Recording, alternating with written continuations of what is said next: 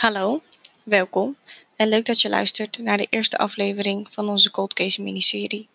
Deze podcast wordt mede mogelijk gemaakt door Hogeschool Saxion Enschede.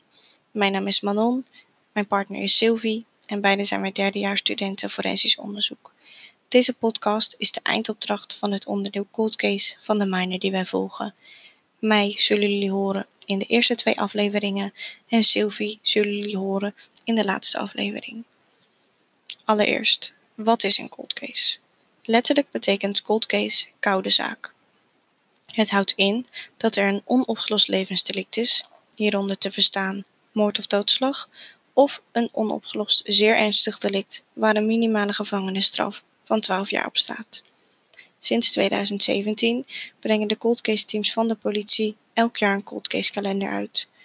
Bij elke editie wordt aandacht gevraagd voor 52 cold case zaken het merendeel levensdelicten, maar ook langdurige vermissingen of onbekende doden. De cold case kalender wordt voornamelijk uitgebracht in penitentiaire inrichtingen, bij de reclassering en in TBS-klinieken, maar is via www.coldcasekalender.nl voor iedereen toegankelijk. Als opdracht voor het onderdeel Cold Case van onze minor hebben wij een Cold Case zaak gekozen van de Cold Case Kalender 2020. Dit is de zaak van Kevin Amerika geworden. Zoals omschreven op de Coldcase kalender is Kevin een sociale, actieve en vrolijke jongen. Hij was een talentvolle bokser en had sinds 2008 zijn eigen klusbedrijf. Toch bleek dat Kevin kamers klaar zou maken voor de hennepteelt. Kevin was vader, partner, broer en zoon. Hoe is zijn leven zo ongelukkig ten einde gekomen? Laten we hiervoor terugspoelen naar 21 juni 1976. Kevin Amerika wordt geboren in Curaçao. Kevin is het middelste kind van een gezin met vijf kinderen. Als Kevin elf jaar is, wordt hij naar een oom in Nederland gestuurd omdat Kevin zijn moeder zich zorgen maakt over zijn toekomst. Kevin komt in Nijmegen terecht en gaat boksen bij de Nijmeegse club NABA. Hij heeft talent voor boksen en wordt in 2004 Nederlands bokskampioen. Naast boksen is Kevin uitsmijter bij de inmiddels verdwenen discotheek De Ambassadeur, waar hij zijn vrouw Loes ontmoet en één zoon en twee dochters mee krijgt. In 2008 richt Kevin zijn eigen klusbedrijf op, 3D Afbouw. Hij zou graag kinderen die een moeilijke jeugd hebben gehad helpen door ze te laten werken in zijn bouwbedrijf. Dit wilde hij doen naar aanleiding van zijn eigen achtergrond. Hij heeft enige tijd verbleven in jeugdinternaten, waaronder jeugdgevangenis De Corridor. Naast klussen geeft Kevin elke maandagavond bokstraining aan de Nijmeegse jeugd. Kevin wordt omschreven als een lieve, vriendelijke, aanwezige en gedreven man op wie iedereen kan rekenen. Toch wordt er op brute wijze een einde aan Kevin zijn leven gemaakt. Het is 29 december 2012 als Kevin in de 16e straat van de Lindenholtse wijk in Hecht aan Broek wacht op zijn vriendin die met zijn auto thuiskomt. Hij gaat naar een verjaardag van de dochter van een collega. Rond half acht s'avonds vertrekt Kevin met de auto en komt rond half negen s'avonds aan op de verjaardag, alhoewel het maar tien minuten rijden is. Tegen elf uur s'avonds wil de jarige met haar vriendinnen gaan stappen. Kevin biedt aan ze met de auto af te zetten in het centrum van Nijmegen.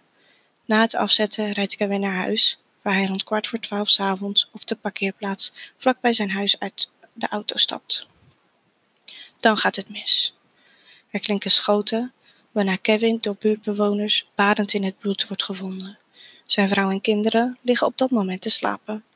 Als de ambulance arriveert, is Kevin buiten bewustzijn en zwaar gewond. Hij wordt overgebracht naar het ziekenhuis, maar is niet meer te redden. Hij overlijdt in het ziekenhuis. Nu begint het politieonderzoek. Er wordt een team grootschalige opsporing opgezet en een team samengesteld die naar het plaatselijk gaan om deze te onderzoeken.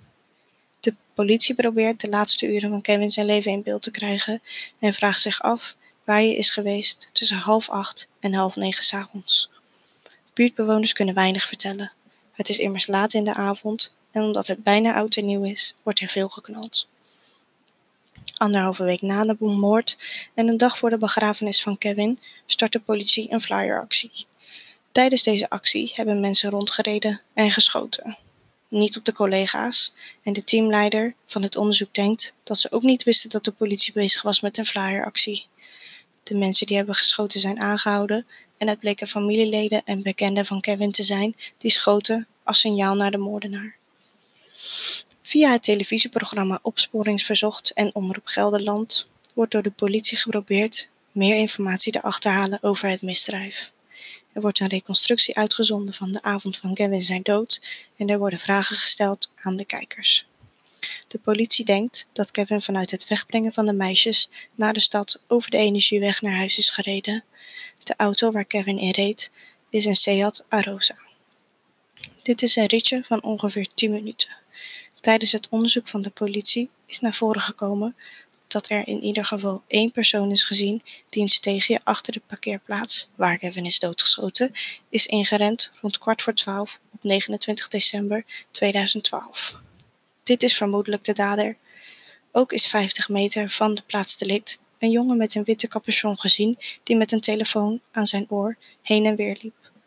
Daarnaast is er een jongen gezien in een grijs joggingspak die op een brug in de richting van de Leuvense broek was. Beide waren vlak bij de plaats waar Kevin is omgebracht en de politie vraagt zich af wat zij hebben gezien en of zij iets met de, het misdrijf te maken hebben. Er hebben verschillende auto's op de bewuste middag en avond in de buurt van Hechtanbroek gereden. Er zijn in de buurt twee mannen uitgestapt uit een kleine auto, mogelijk een Volkswagen Lupo. Achter deze auto reed een grijze Mercedes en de politie zou graag met die bestuurders willen praten. Een half uur later ziet een getuige een man uit het steegje in datzelfde kleine autootje stappen. Hebben deze mannen de omgeving verkend of hebben zij niks met het misdrijf te maken?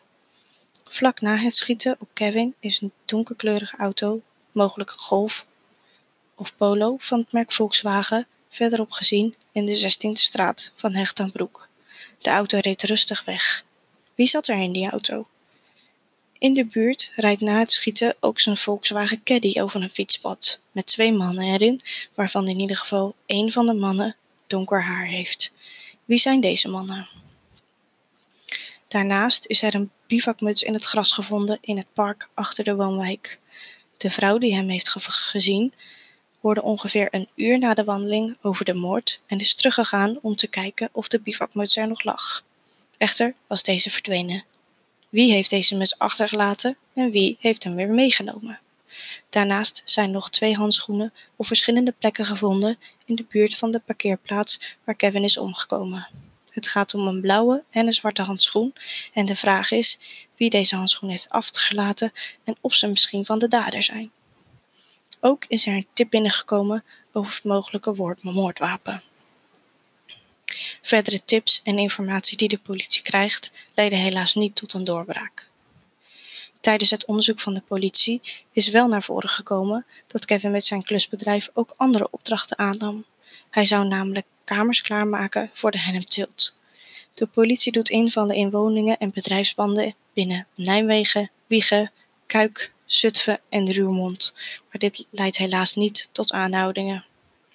Tijdens later onderzoek wordt gedacht dat er een link is tussen de zaak van Kevin Amerika en Andy de Heus uit Echt, die op 18 december 2012 wordt vermist en later doodgevonden wordt. Beide onderzoeksteams stuiten op een man uit Ruurmond, namelijk Higam Z. Hij zou in de zaak van Kevin vermoedelijk de leverancier zijn van de wapens, van het wapen, waarmee Kevin om het leven is gebracht. De Z ontkent elke betrokkenheid op de moord van Kevin. De zus van Kevin, Derinda, denkt dat hij om het leven is gebracht door iemand die hem kende. Immers wist de dader waar hij woonde.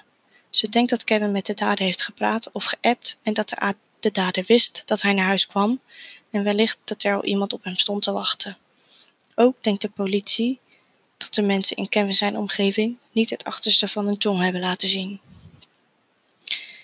Helaas is na het vele verrichte politieonderzoek het onderzoek in 2014 gestaakt. De politie had geen zaken meer om na te trekken. De vragen die voor ons nog openstaan na het verrichten van ons open source onderzoek naar de zaak van Kevin Amerika zijn. Waar is Kevin op de avond van 29 december 2012 tussen half acht en half negen s avonds geweest? Wie is degene die na de moord op Kevin het steegje achter de parkeerplaats inrende? Wat deed de jongen met de witte capuchon En met wie was hij aan de telefoon? Waarom rende die jongen met het grijze joggingspak over het bruggetje? Wie zijn al die personen in die gesignaleerde auto's? Hebben deze personen misschien iets te maken met het misdrijf? Waar is de bivakmuts gebleven?